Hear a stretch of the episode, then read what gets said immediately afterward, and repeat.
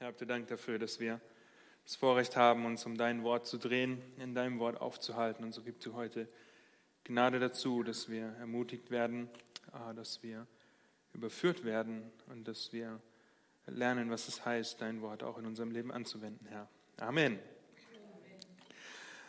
Wir werden heute einen Überblick uns verschaffen über die Kap oder beziehungsweise einen Rückblick über die Kapitel 6 und 7 im Römerbrief.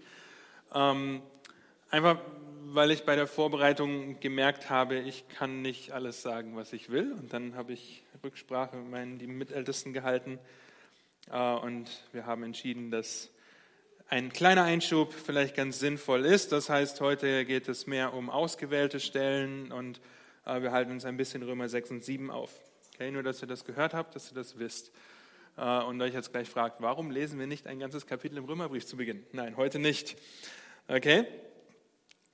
Ihr Lieben, angenommen, eine Schwester aus der Gemeinde kommt zu euch und erzählt ihr von den Sorgen, die sie sich macht, die damit verbundenen schlaflosen Nächte, weil die Konzentration, die Gedanken völlig zerstreut sind, die Sorgen immer größer werden in der Nacht. Sie kommt nicht zur Ruhe, sie kennt aber Philippa 4, Vers 6, wo es heißt, sorgt euch um nichts. Und 1. Petrus 5, Vers 7, aber es hilft nicht. Wie kannst du ihr helfen? Oder ein Bruder kommt zu dir, ist völlig ausgepowert, völlig erschöpft, weil er zu viel Arbeit hat, er ist frustriert, er ist wütend, schreit seine Kinder an und weiß, dass er seine Kinder nicht zum Zorn reizen soll. Aber es geht nicht. Der Druck ist einfach zu groß. Wie kannst du ihm helfen? Oder die Eltern, die am Ende ihrer Weisheit sind wenn es um die Rebellion ihrer Kinder geht. Sie haben ihrem Kind beigebracht, dass sie ihren Kindern beigebracht, dass sie den Eltern gehorchen sollen, dass sie darauf hören sollen, was die Eltern ihnen sagen, weil die Eltern das Beste für ihr Kind wollen. Aber ihre Kinder machen einfach nicht das, was sie wollen. Das macht die Eltern wütend und verzweifelt zugleich, weil sie sich fragen, wo soll das hinführen? Wir können einfach nicht mehr, wir haben die Kraft nicht dazu. Wie hilfst du ihnen? Und was hilft ihnen? Oder die alleinstehende Person in der Gemeinde kommt zu dir und sagt, dass sie Angst davor hat, dass sie alleine alt wird. Sie fragt sich, ob Gott das wirklich so wollen würde, dass sie alleine ist, wenn sie doch ein Verlangen hat zu heiraten. Sie hat Angst, alleine zu sein und in der Gemeinde aufgrund ihres Standes Ablehnung zu erfahren. Wie hilfst du ihr? Und das sind nur vier kurze Szenarien, die uns zeigen, dass wir in einer gefallenen Welt leben, wo es Leid gibt, dass wir in einem gefallenen Leib leben, dass wir selber noch sündigen und sogar einen Versta gefallenen Verstand haben, weil wir in den Situationen uns schwer tun, richtig zu denken und wir erleben die Auswirkungen. Zu Beginn in allen Beispielen, die gar nicht so weit hergeholt sind, ja, trifft zunächst 1. Thessalonicher 5, Vers 14 zu. Da heißt es, wir ermahnen euch aber, Brüder, verwarnt die Unordentlichen, tröstet die Kleinmütigen, nehmt euch der Schwachen an, seid langmütig gegen jedermann.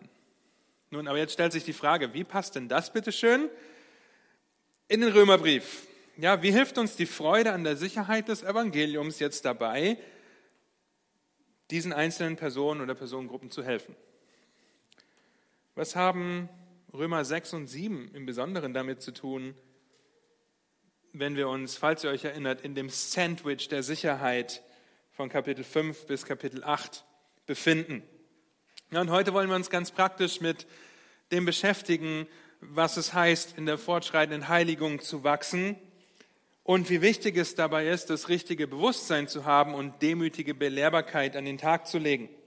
Und wir haben in den letzten beiden Wochen gesehen, dass die Einheit mit Christus zur Veränderung führt, Kapitel 6, ja, und dass wir das Gesetz richtig einordnen müssen in Kapitel 7, um nicht frustriert, deprimiert oder demotiviert zu sein, wenn es um unseren geistlichen Kampf geht, von dem Paulus in Kapitel 7 ab Vers 14 berichtet. Und in dem Buch Holiness von J.C. Ryle, der zum Beispiel das Buch Die Pflichten der Eltern geschrieben hat, das einige Eltern wahrscheinlich kennen, schreibt er, und wir werden uns ziemlich viel auf dieses Buch oder aus diesem Buch heute ähm, äh, Dinge anschauen, die wir mit Gottes Wort natürlich verknüpfen. Aber J.C. Ryle schreibt, Zitat, und das Zitat seht ihr, weil es etwas länger ist, die Sünde hat im Herzen des Gläubigen zweifellos keine Stimme mehr. Das haben wir in Kapitel 7 gesehen, dass wir dem Gesetz nicht mehr angehören. Sie wird durch die vertreibende Kraft des neuen Prinzips der Gnade geprüft, gezügelt, gedemütigt und gekreuzigt. Das Leben eines Gläubigen ist ein Leben des Sieges und nicht des Scheiterns.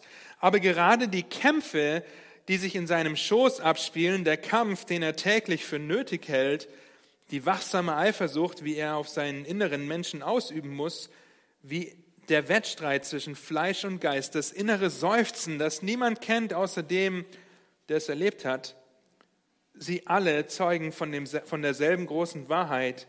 Sie alle zeigen uns die ungeheure Macht und Stärke der Sünde. Gewaltig muss in der Tat der Feind sein, der selbst als gekreuzigter noch am Leben ist. Glücklich ist der Gläubige, der es versteht. Und während er sich an Christus freut, hat er kein Vertrauen in sein Fleisch. Und während er sagt, Dank sei Gott, der uns den Sieg schenkt, vergisst er nicht zu wachen und zu beten, damit er nicht in Versuchung gerät. Aber der geistliche Kampf, der uns beschäftigt, weil wir alle merken als Kinder Gottes, dass der Feind in der Tat gewaltig ist, weil er selbst als gekreuzigter, als Toter noch am Leben ist. Das ist der Kampf, in dem wir uns wiederfinden. Es ist der Kampf, von dem Paulus in Kapitel 7, Vers 24 und 25 schreibt, wenn er sagt, ich elender Mensch, wer wird mich erlösen von diesem Todesleib? Ich danke Gott durch Jesus Christus, unseren Herrn. So diene ich selbst nun mit der Gesinnung dem Gesetz Gottes, mit dem Fleisch aber dem Gesetz der Sünde. Und wir wollen uns anschauen, wie wichtig das richtige Bewusstsein und demütige Belehrbarkeit ist, um zu einem Leben in der Heiligung beizutragen.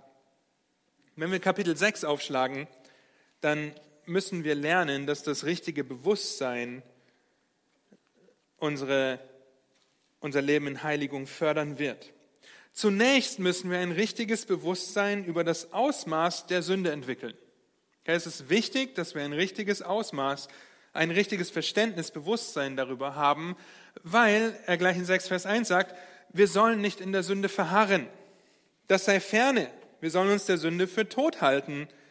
Wir sollen uns nicht als Waffen der Ungerechtigkeit zur Verfügung stellen und der Sünde nicht mehr gehorchen. Das alles findet ihr in Kapitel 6 die Sünde ist auch im Leben eines Gläubigen noch real. Wir alle kennen diesen Kampf, von dem Paulus dann in Kapitel 7 berichtet.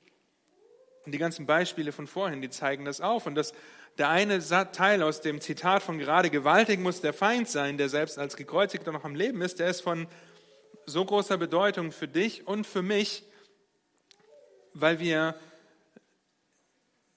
daran sehen, wie schlimm die Sünde alles, was wir sagen, was wir denken und was wir tun, was Gott nicht gefällt, wie schlimm sie ist. Auf der anderen Seite werden wir niemals wirklich die Sündhaftigkeit der Sünde verstehen, weil wir sterbliche Geschöpfe sind. Jeder von uns wird eines Tages sterben und wir leben in einer gefallenen Welt.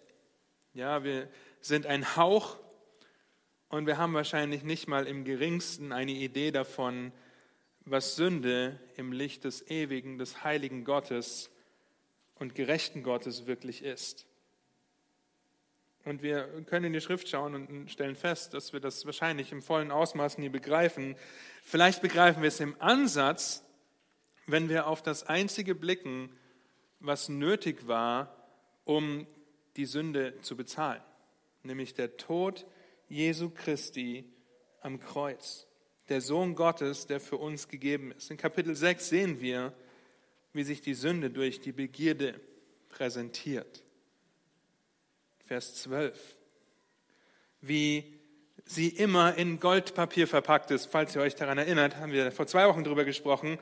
Ja, und wenn wir durch die Schrift schauen, dann präsentiert sich die Frucht, von der Adam und Eva nicht essen sollten, nicht als ein verfaultes Stück Obst, ja, sondern es war gut anzusehen. Oder das einfache Entspannen auf einem Dach des Hauses und der Blick auf das Nachbardach, was David zum Ehebruch geführt hat, Das war eine Lust für die Augen für ihn. Das war Entspannung.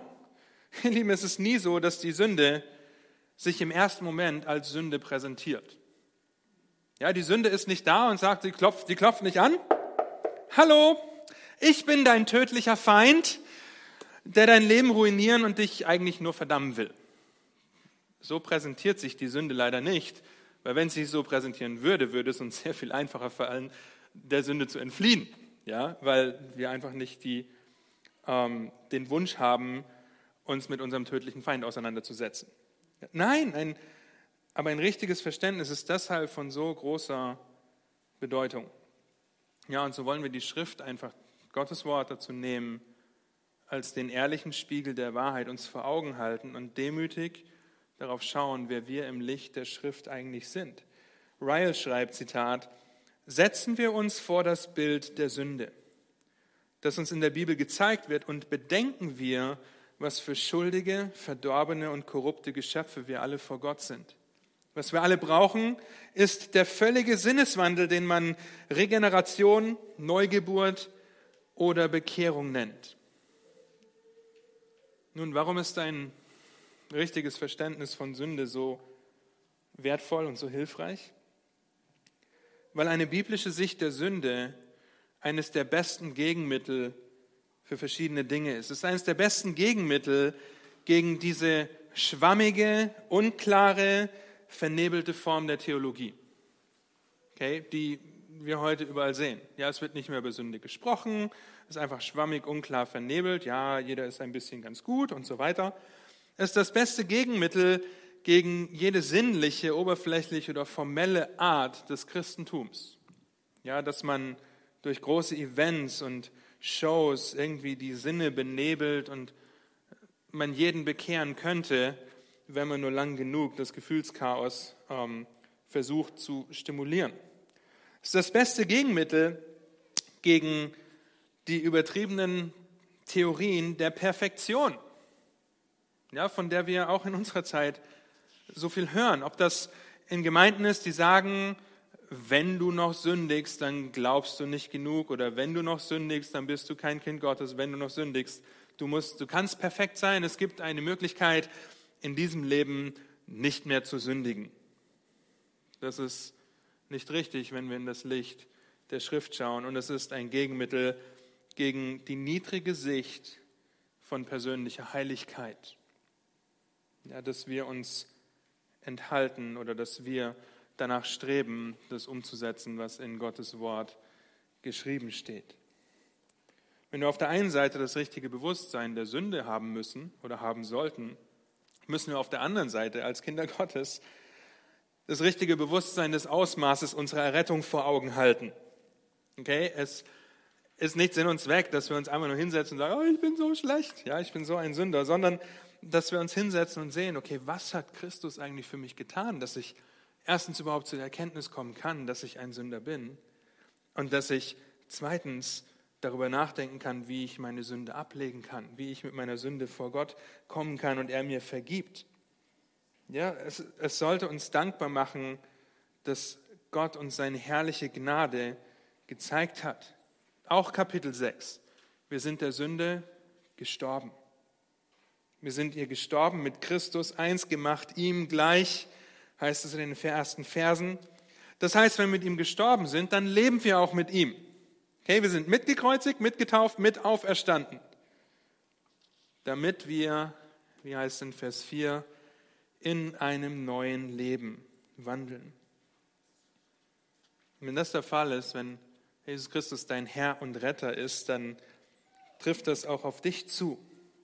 Und wenn wir der Sünde gestorben sind, dann müssen wir uns nicht davor fürchten, der Hässlichkeit dieser Sünde in unserem Leben ins Auge zu sehen und die Herkunft, auch die Kraft und die Natur, das Ausmaß der Sünde zu studieren, wenn wir in der gleichen Zeit auf die göttliche und allmächtige Medizin, das Gegenmittel darauf blicken, Jesus Christus. Es ist Jesus Christus. Wir blicken auf Christus, nicht auf das Gesetz. Das ist das, was Paulus dann in Kapitel 7 versucht deutlich zu machen. Wir blicken auf Christus, nicht auf die Sünde.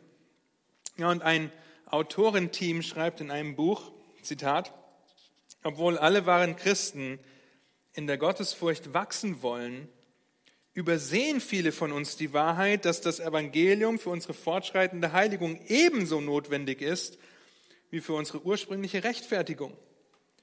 Ohne das Evangelium, ohne unsere Seelen in, unserem, in unserer Verbundenheit mit Christus zu durchtränken, wird das Streben nach moralischer Verbesserung genau das. Ein weiteres Streben nach Selbstverbesserung, das entweder zum vergeblichen Scheitern führt oder schlimmer noch zum arroganten Erfolg verdammt ist. Aber im Licht des Evangeliums, aufgrund all dessen, was Jesus bereits getan hat, wird die Heiligung zu einem weiteren Beweis seiner Gnade, die in uns wirkt und uns immer mehr durch seine beständige Gegenwart erfreut und immer weniger in die Anziehungskraft der Welt verführt. Nur die übergroße Liebe, die uns im Evangelium gezeigt wird, hat die Macht, uns von anderen Lieben wegzuziehen. Die Schönheit dieser Gnade lässt alles andere im Vergleich dazu verblassen. Zitat Ende. Ihr wisst, dass ihr im Predigtarchiv das Manuskript findet. Da könnt ihr das Zitat dann noch einmal nachlesen, wenn ihr das möchtet. Das heißt, das Ausmaß der Errettung versetzt mich überhaupt erst in die Lage, in der Heiligung zu wachsen. Fortschreitende Heiligung, wie es die Theologen nennen, ist aber nichts, nichts, was wir tun. Okay, wir meinen immer, okay, ich muss jetzt tun, ich muss tun, weil im Endeffekt ist es Gott, der das bewirkt. Ja, die Heiligung fängt in dem Moment der Errettung an, wenn wir heilig gesprochen werden. Und deshalb müssen wir das Ausmaß verstehen. Ein Leben in der Heiligung, das Streben nach geistlichem Wachstum findet nicht statt, weil wir irgendwas erreichen. Das seht ihr zum Beispiel in Kapitel 6 in Vers 22. Ihr seid von der Sünde frei, Gott dienstbar geworden und ihr habt als eure Frucht die Heiligung. Das heißt, es ist ein Ergebnis unserer Errettung. Die Frucht ist die Heiligung. Das heißt, die, das Wichtige, was wir verstehen müssen, und hier bitte ich euch auch, das Ganze, was wir heute hören, ja, auch im Licht der, der Predigtserie, die Waffenrüstung Gottes, im Licht der Predigtserie Leben im Licht des Evangeliums zu betrachten. Ähm, sonst fallen wir oder können wir dazu neigen, auf der einen Seite vom Pferd zu fallen, weil wir sagen, okay, ich lasse einfach alles und lass Gott alles machen. Ja, ähm, wir kommen gleich noch dazu, dass dem nicht so ist. Aber diese Heiligung, dieses heiligende Wachstum oder die Wachstum in Heiligung findet dann statt, wenn wir uns dem aussetzen, der heiligt. Okay? Wenn wir uns dem aussetzen, der das zu Ende bringt, was er angefangen hat. Und ihr seht das in Römer 6, wir sind ihm gleich, wir sind mit ihm vereint. Wir sollen uns hingeben und es nicht selbst tun in Vers 13. Wir sind Gott dienstbar geworden. Das heißt, wir entscheiden uns nicht, was wir tun, sondern wir tun, was entschieden wurde. Ja, das ist das, was Römer 6 eigentlich sagt. 6 Vers ähm, 19 Nein, Zitat, Entschuldigung, nicht 6 Vers 19. Ich lese euch ein Zitat vor. In 6 Vers 19 sehen wir das, dass wir nicht, dass nicht wir diejenigen sind, die entscheiden, was wir tun, sondern wir tun, was entschieden wird, weil wir Gott dienstbar geworden sind.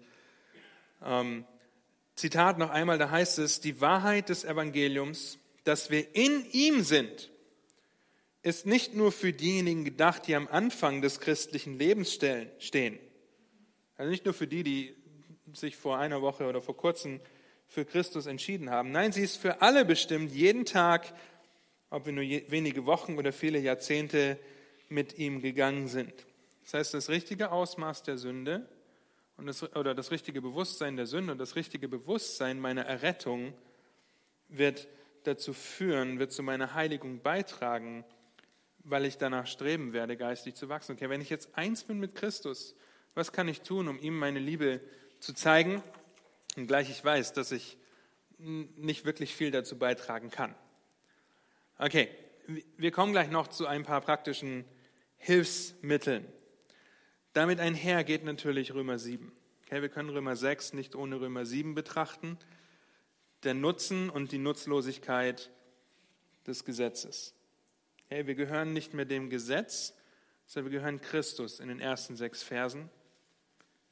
Demütige Belehrbarkeit wird zu einem Leben in der Heiligung beitragen. Ja, das Gesetz zeigt uns die Sünde auf, auch heute noch. Ja, wir wüssten nicht, dass wir sündigen, wenn wir das Gesetz nicht hätten.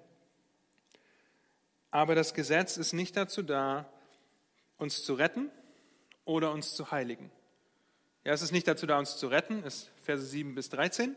Es ist nicht dazu da, uns zu heiligen, ist Vers 14 bis 25. Es zeigt die Sünde auf. Wir können aber mit Paulus sagen, in Vers 22, denn ich habe meine Lust an dem Gesetz Gottes nach dem inneren Menschen. Ja, und wir können das sagen, weil wir uns darüber freuen können, dass der Fluch des Gesetzes, die Auswirkung, die Konsequenz, der ewige Tod, das ewige Getrenntsein von Gott, da durch Christus aufgehoben wurden. Und dennoch wird das Gesetz uns dabei helfen, uns auf Christus hinzuweisen. Erinnert euch an Galater 3, dass unser Lehrmeister ist, auf Christus hin, wenn wir sehen, wie wir versagen, gehorsam zu sein.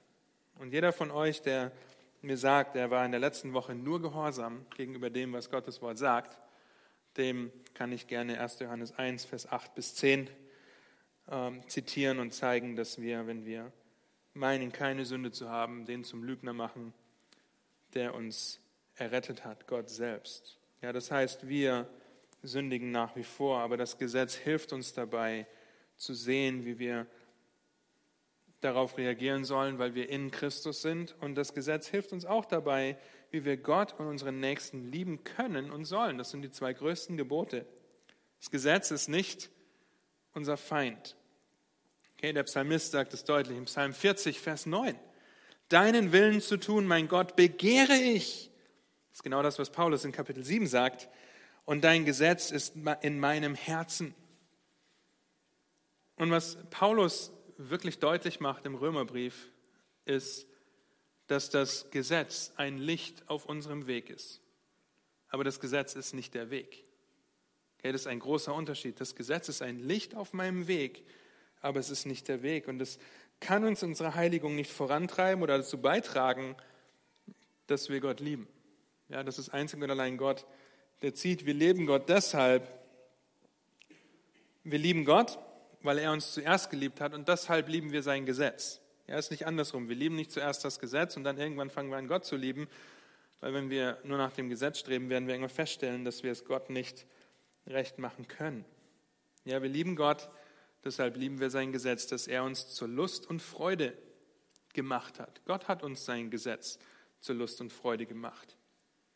Die Heiligung ist also die Arbeit unseres Herrn Jesus Christus in unserem Herzen, dass er uns erneuert, dass er uns errettet dass er uns reingewaschen hat, vergeben hat, neu gemacht hat, als er am Kreuz für uns gestorben ist und wir das für uns durch den Glauben in Anspruch genommen haben.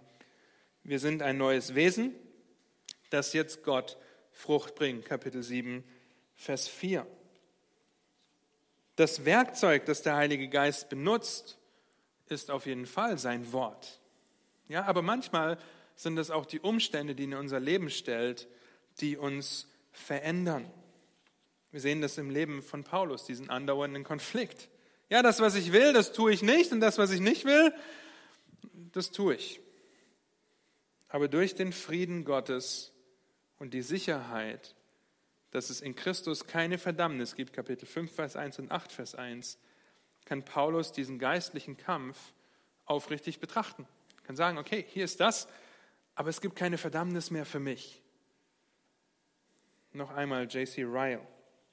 Zitat, die Heiligung ist eine Sache, die Christen nicht daran hindert, innerliche geistliche Kämpfe auszutragen. Ich glaube, dass sie gesunde Symptome unseres Zustands sind und beweisen, dass wir nicht tot, sondern lebendig sind. Ein wahrer Christ ist jemand, der nicht nur Frieden des Gewissens, sondern auch den geistlichen Kampf in sich trägt. Er kann sowohl an seiner Kriegsführung als auch an seinem Frieden erkannt werden. Ich habe Frieden mit Gott und trotzdem töte ich die Taten meines Fleisches, wie er dann in Kapitel 8 sagt. Wir kämpfen den Kampf gegen das Fleisch, gegen die Welt, gegen den Teufel und wir dürfen niemals meinen, dass es auch nur ansatzweise einen Waffenstillstand gibt.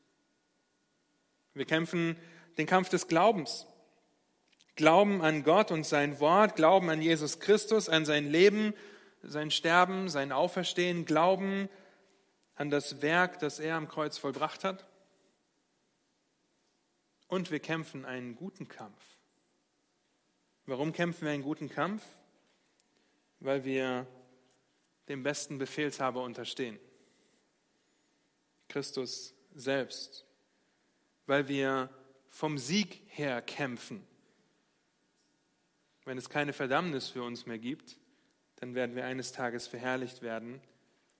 Und ein Vorgeschmack auf das dürft ihr am 31. Oktober haben, wenn wir uns mit der, ähm, mit der lebendigen Hoffnung beschäftigen und in die Zukunft ein bisschen schauen, was die Schrift dazu sagt. Wir kämpfen vom Sieg her, wir haben den besten Befehlshaber und, ihr Lieben, wir haben die beste Hilfe, diesen Kampf zu kämpfen, den Heiligen Geist. Es ist gut, weil wir einen wunderbaren Lohn empfangen werden, auch noch. Hier ist die Frage, bist du belehrbar? Warum? Weil Belehrbarkeit essentiell ist, wenn es um geistliches Wachstum geht, würdig zu wandeln, wachsam zu sein, ausdauernd zu laufen. Das geht nur, wenn wir authentisch und ehrlich mit dem Gesetz, mit Gottes Wort umgehen und es dazu benutzen, dass wir überführt werden unserer Sünde und nicht sagen, ach nö, ich habe kein Problem damit.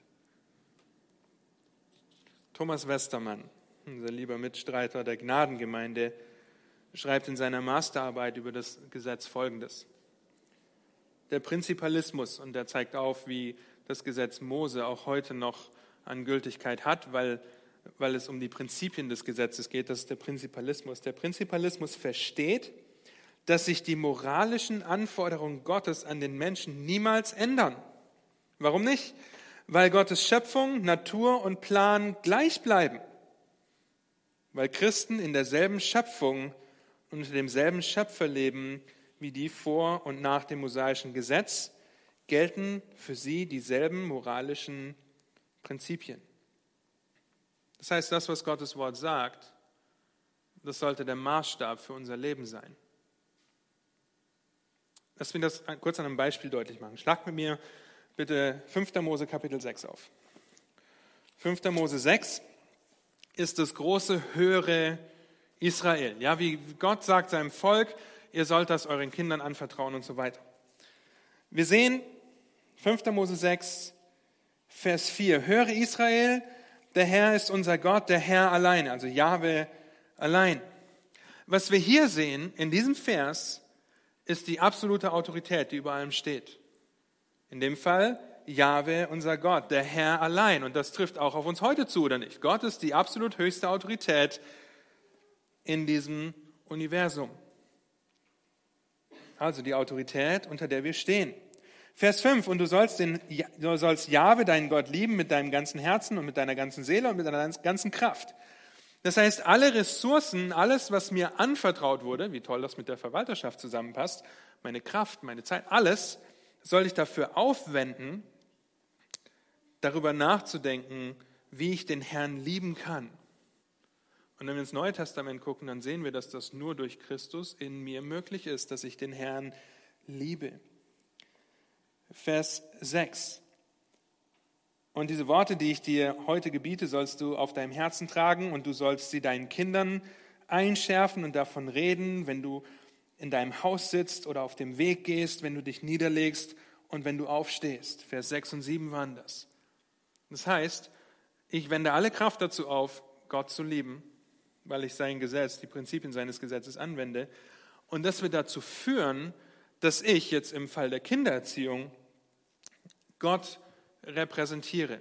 Dass ich da, wo ich bin, darüber nachdenke, okay, wie kann ich meinen Kindern, in dem Fall, wie kann ich für meine Kinder die sichtbare Repräsentation eines unsichtbaren Gottes sein? Okay? Und wir repräsentieren zu jeder Zeit. Ja, wie kann ich, ich kann das Gleiche nehmen, wenn, wenn du mit Kindern zu tun hast. Ja, wie repräsentierst du Gott zu jeder Zeit? Ist das deine Vorgehensweise, dass Gott die absolute Autorität ist dass du alles, was er dir anvertraut, dazu nutzt, um ihn zu lieben, was wiederum dazu führt, dass du ihn repräsentierst. Vers 8. Und du sollst sie zum Zeichen auf deine Hand binden und sie sollen dir zu Erinnerungszeichen über deinen Augen sein. Wir dürfen ermutigt sein, ja, wir laufen nicht mit einem Kasten oder mit einem Kasten auf der Hand oder vor den Augen rum, sondern es geht darum, dass deutlich wird, dass wir alles, was wir sehen, was wir tun, durch das Raster von Gottes Maßstäben, von Gottes Wertvorstellungen prüfen und schieben. Ja? Und dann habt ihr Vers 9, und du sollst ja auf deine Pfosten deines Hauses und an deine Tore schreiben. Also nicht nur vor Augen haben, sondern deutlich sichtbar haben, weil es nicht darum geht, einfach nur zu sagen, ja, okay, komm, Gott liebt dich und so weiter. Es ist ein Lebensstil. Okay, es ist mein Lebensstil, mich unter diese Autorität zu stellen, alles, was mir anvertraut wurde, meine gesamte Kraft dafür aufzuwenden, weil ich Gott zu jeder Zeit repräsentiere, weil ich alles durch das Raster seiner Wertvorstellungen, Maßstäbe, seiner Prinzipien in seinem Wort prüfe und filtere, weil es mein Leben ist. Ja, es ist mein Leben, dass wir uns an die Aussprüche Gottes erinnern. Es ist nicht einfach nur ein Anhängsel ans Leben. Ja, es sollte mein Leben sein. Alles, was ich bin und habe. Und wenn wir den Text jetzt aus 5. Mose Kapitel 6 nehmen, ab Vers 4, ja, und mein Leben jetzt nicht davon gekennzeichnet ist, dass ich alles durch das Raster Gottes sehe, ja, durch seine Wertvorstellung, durch seine Prinzipien, weil er meine höchste Autorität ist, weil ich alles dafür aufwende, ihm die Ehre zu geben und ihn zu repräsentieren. Wie will ich als Eltern, wie will ich meinen Kindern beibringen, dass Gott gut ist, wenn ich mich ständig über die Umstände aufrege, die er in mein Leben stellt, die er mir anvertraut, ja, die er mir gibt? Oder wie will ich ein Zeugnis der Freude sein, wenn ich mir ständig Sorgen darüber nach, weil ich nicht richtig denke, weil ich zu faul bin, richtig zu denken? Wie will ich ein Zeugnis der Geduld sein und damit auf Gott hinweisen, wenn ich meine Kinder ständig anschreie? Ja, wie geht das? Es geht nicht. Es geht nicht, weil es geht nicht um eine Liste, die wir abarbeiten. Ich soll meine Kinder nicht anschreien, ich soll das nicht machen und so weiter, sondern es geht erst dann, wenn meine höchste Autorität Gottes der mich in Christus erlöst hat und ich aufgrund meiner Beziehung zu Christus in der Lage bin, alles durch Gottes Raster und Gottes Wertvorstellungen prüfen zu können und zu sehen und filtern zu können und dann darüber nachdenken kann, oh, ich möchte meine Kinder nicht anschreien, weil ich dadurch meinen Retter, meinen Gott nicht würdig und nicht gut repräsentiere. Das ist geistlicher Kampf. Und die Frage ist immer, in unserem Leben geht es um eine Beziehung zu Christus. Die Frage ist immer, wen, wen spiegeln wir wieder? Ja, für wen bin ich ein Repräsentant, wenn ich bei der Arbeit bin, wenn ich ähm, meine Kinder erziehe, wenn ich mit meinen Nachbarn im Gespräch bin, wenn ich im Auto sitze, wenn ich, ihr könnt die Liste füllen. Nun, die Schrift redet aber auch immer wieder von Indikativen, also von festen Tatsachen, Bestandteilen, die wahr sind und von Imperativen, und Befehlen, und wenn ihr die Schrift aufmerksam lest, dann werdet ihr feststellen, dass die Imperative, also die Befehle, immer den Indikativen folgen. Okay, ihr habt Epheser 1 bis 3 und dann 5, 4 bis 6. Ja, 1 bis 3, wer wir in Christus sind und was wir aufgrund dessen tun sollen. Ihr habt Römer 1 bis 11, was Christus für uns getan hat, da sind wir gerade mittendrin. Und ab Vers 12 heißt es dann, dass wir uns nicht dem Weltlauf anpassen sollen, dass wir jetzt aneinander handeln sollen und das in die Tat umsetzen sollen, was Gott in unserem Leben getan hat. Ja, und wenn wir darüber nachdenken, dass damit Aufgaben verbunden sind, dann können wir Folgendes feststellen. In 1. Petrus 1, Vers 15 sehen wir zum Beispiel den Imperativ, was wir tun sollen. Sondern wie der, welcher euch berufen hat, heilig ist, so sollt auch hier heilig sein in eurem ganzen Wandel. Okay, also ein Imperativ, heilig zu sein in unserem Wandel. Aber in 1. Petrus 2, Vers 9, und hier ist es jetzt danach, ich benutze den Vers, weil hier auch heilig vorkommt, heißt es, ihr aber seid ein auserwähltes Geschlecht, ein königliches Priestertum, ein heiliges Volk, ein Volk des Eigentums. Warum kann ich heilig wandeln? Weil ich heilig bin. Okay? Ich bin durch Gott ein auserwähltes Geschlecht, königliches Priestertum, ein heiliges Volk, ein Volk des Eigentums und deshalb kann ich in meinem ganzen Wandel auch heilig sein. Position in Christus und Praxis gehen Hand in Hand. Und so sollen wir dementsprechend, wer wir schon sind. Ja, aber das geht nur durch den Heiligen Geist, der in uns wohnt. Wir sehen das alles in Kapitel 8 danach. Ja, das ist der Heilige Geist, der sowohl die Errettung als auch das geistliche Wachstum bewirkt. Und die Frage, die sich dann stellt, okay, wie wachse ich dann geistlich? Ihr könnt euch die Heiligung, und wir haben irgendwann mal Sonntagabends mit ein paar Jugendlichen darüber gesprochen, wie einen Fluss vorstellen. Okay, ein Fluss, die Strömung zieht dich in eine Richtung, und zwar in die Richtung der Christusähnlichkeit. Du kannst nichts für die Strömung, richtig? Wir können nichts dafür, in welche Richtung ein Fluss fließt. Ja, aber was wir tun können, ist bewusst in diesem Fluss zu sein. Wir können stehen bleiben, nebendran, können uns das Ganze anschauen, finden das toll. Ja, und um in diesem Fluss der Heiligung zu sein, des geistlichen Wachstums, hat Gott uns wunderbare Hilfsmittel der Gnade an die Hand gegeben, die wir in unserem täglichen Leben einsetzen dürfen, weil Gott letztendlich derjenige ist, der das Wollen und das Vollbringen wirkt. Er führt das zu Ende, was er begonnen hat.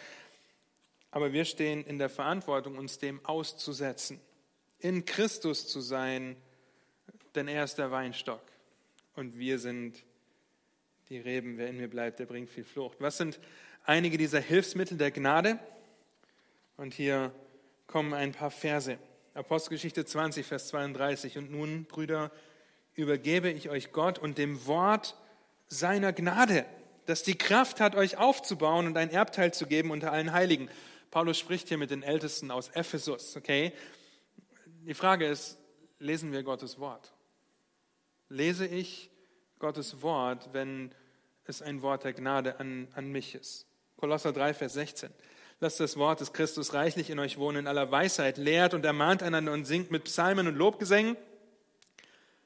In der Schlacht heißt es geistlichen Liedern, aber man könnte auch sagen mit Liedern der Gnade, dem Herrn lieblich in euren Herzen. Lernen wir Gottes Wort. Wort im Herzen ist dazu da, dass wir Gottes Wort auswendig lernen und singen wir Lieder haben wir Lieder im Kopf, die Gnade bringen, weil sie geistlich sind? Hebräer 4, Vers 16. Lasst uns nun mit Freimütigkeit hinzutreten zum Thron der Gnade, damit wir Barmherzigkeit erlangen, Gnade finden zur rechtzeitigen Hilfe. Sind wir im Gebet, wo wir vor den Thron der Gnade fliehen? Fliehen wir im Gebet zum Herrn. 1. Petrus 4, Vers 10. Dient einander mit der Gnadengabe, jeder, wie er sie empfangen hat, als gute Haushalter der mannigfachen Gnade Gottes. Wir sollen gute Verwalter dessen sein, was Gott uns anvertraut hat. Dazu gehört die Gnadengabe, mit der wir einander dienen dürfen. Dienst du deinen Geschwistern? Hast du Gemeinschaft mit deinen Geschwistern? Johannes 1, Vers 16 und 17. Und aus seiner Fülle haben wir alle empfangen Gnade um Gnade. Denn das Gesetz wurde durch Mose gegeben, die Gnade und die Wahrheit ist durch Jesus Christus geworden. Nun haben wir nicht nur Gemeinschaft mit Geschwistern, sondern haben wir Gemeinschaft mit Christus, indem wir uns wiederum seinem Wort aussetzen und wirklich darüber nachdenken, was es bedeutet, in ihm zu sein, durch ihn diese Gnade bekommen zu haben. Philippa 1, Vers 29 und 30. Denn euch wurde, was Christus betrifft, die Gnade verliehen, nicht nur an ihn zu glauben, sondern auch um seinetwillen zu leiden. Und was es heißt, im Bedrängnis zu sein, haben wir gesehen, als wir Kapitel 5 angeschaut haben. Nun, das sind nur ein paar Hilfsmittel, okay, denen wir uns aussetzen können, um geistlich zu wachsen. Denn es ist letztendlich Gottes Gnade, die uns rettet und es ist Gottes Gnade, die uns heiligt. Paulus schreibt es in 1. Korinther 15, Vers 10, aber durch Gottes Gnade bin ich, was ich bin und seine Gnade, die er an mir erwiesen hat, ist nicht vergeblich gewesen, sondern ich habe mehr gearbeitet als alle, jedoch nicht ich, sondern die Gnade Gottes, die in mir ist. Paulus war sich dessen bewusst, er muss sich dem aussetzen, aber letztendlich ist Gott derjenige, der das wirkt. Auf der anderen Seite können wir aber auch ein paar Hindernisse der Gnade feststellen, indem wir uns nicht der Heiligung aussetzen. Wir können den Heiligen Geist betrüben. Wir können uns laut Römer 6 als Sklaven der Ungerechtigkeit hingeben. Wir können in der Sünde verharren. Und hier sind ein paar Hindernisse der Gnade. 1. Petrus 5, 5b. Denn Gott widersteht dem Hochmütigen, dem Demütigen aber gibt er Gnade. Stolz wird dich nicht geistlich wachsen lassen. Stolz, der in beide Richtungen geht, dass ich etwas erreicht habe oder in Selbstmitleid versinke. Okay? Hebräer 12, Vers 15 achtet darauf, dass nicht jemand die Gnade Gottes versäumt, dass nicht etwa eine bittere Wurzel aufwächst und Unheil anrichtet. Bitterkeit. Bitterkeit kann dazu führen, dass ich nicht in der Heiligung wachse.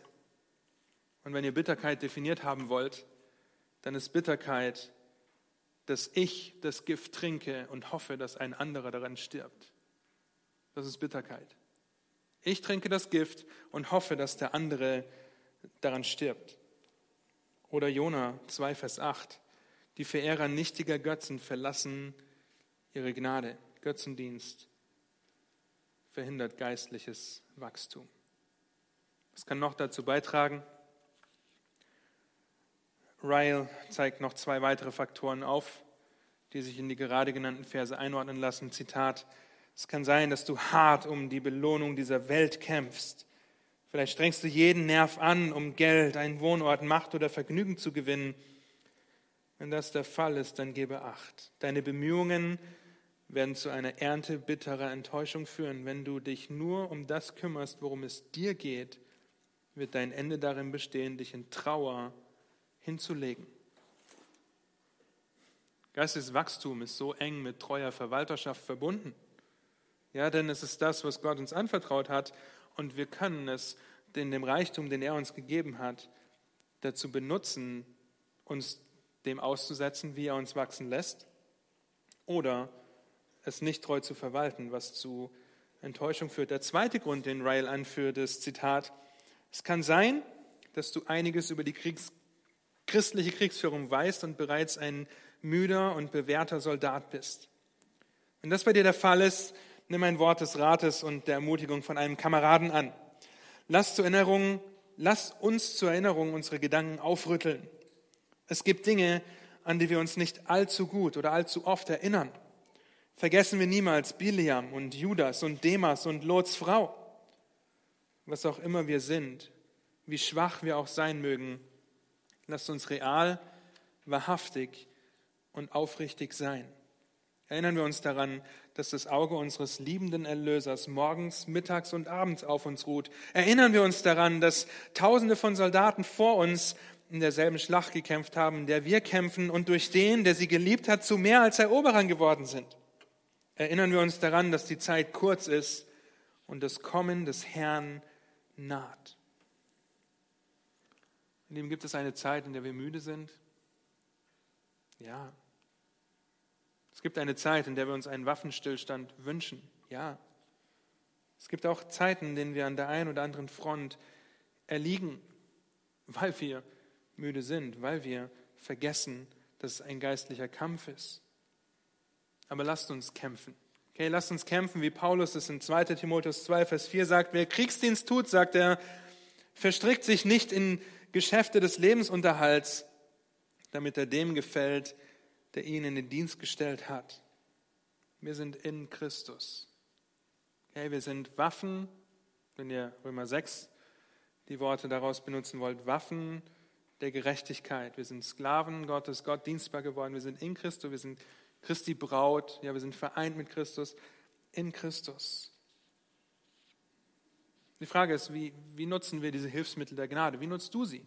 Ja, wie nutze ich sie, wenn es um unser Wachstum geht? Sind wir in diesem Fluss, ja, einfach in der Strömung des geistlichen Wachstums? Oder gibt es Bereiche, wo ich Buße tun muss, weil ich mich außerhalb dieser Strömung befinde? Und so können wir diese Beispiele vom Anfang nehmen und sehen, wie Sorgen das vernachlässigen wird, über Gott und sein Wort nachzudenken, wie Sorgen dazu führen wird, dass man keine geistlichen Lieder singt und, durch un, dadurch der Unglaube und auch Faulheit zum Vorschein kommt.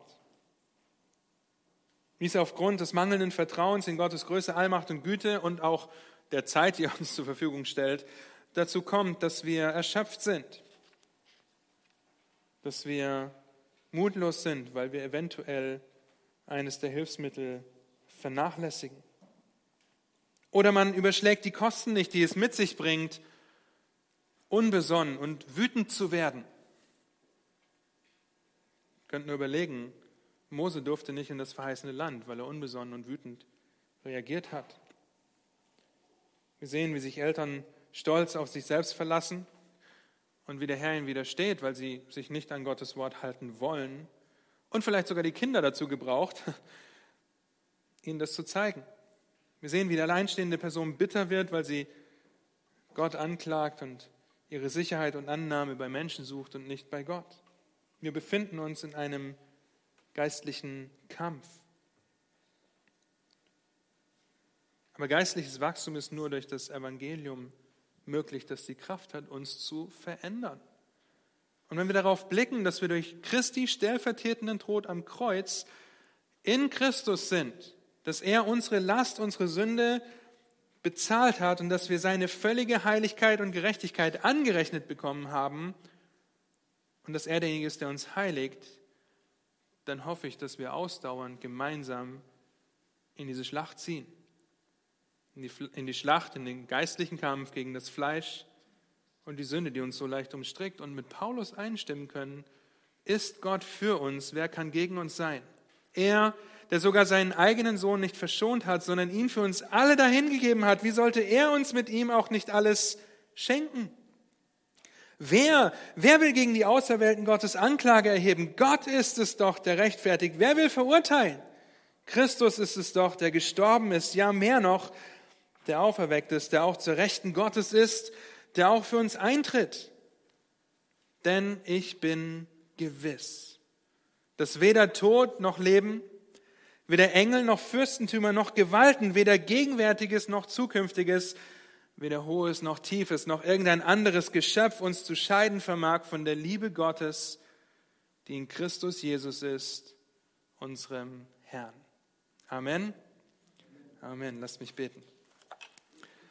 Herr, und nichts kann uns scheiden von dir und deshalb können wir diesen geistlichen Kampf angehen. Nichts kann uns verurteilen oder verdammen. Keine Sünde, die wir heute noch begehen, hat die ewigen Konsequenzen oder stimmen dich um. Herr, und so hilft du uns dabei, dass wir Sünde in unserem Leben angehen, nicht aus Angst oder Furcht, sondern aus Freude und Dankbarkeit, dass du uns erlöst hast von der Macht und vor allem den Konsequenzen der Sünde. Ich bitte, dass du Gnade schenkst, wenn wir über das geistliche Wachstum nachdenken Herr, dass wir es im Licht deines Wortes betrachten und sehen und feststellen, dass du derjenige bist, der uns erlöst, der uns errettet. Herr, und ich bete, dass wir diesen Kampf aufnehmen und gewissenhaft aufnehmen, dass wir einander anspornen, einander helfen, einander die Lasten tragen, da wo es sein muss.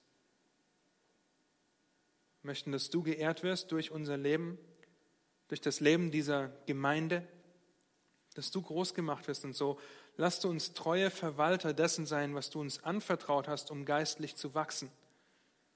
Und lass uns dem aussetzen, damit wir dir ähnlich werden und du die Ehre bekommst, Herr. Amen.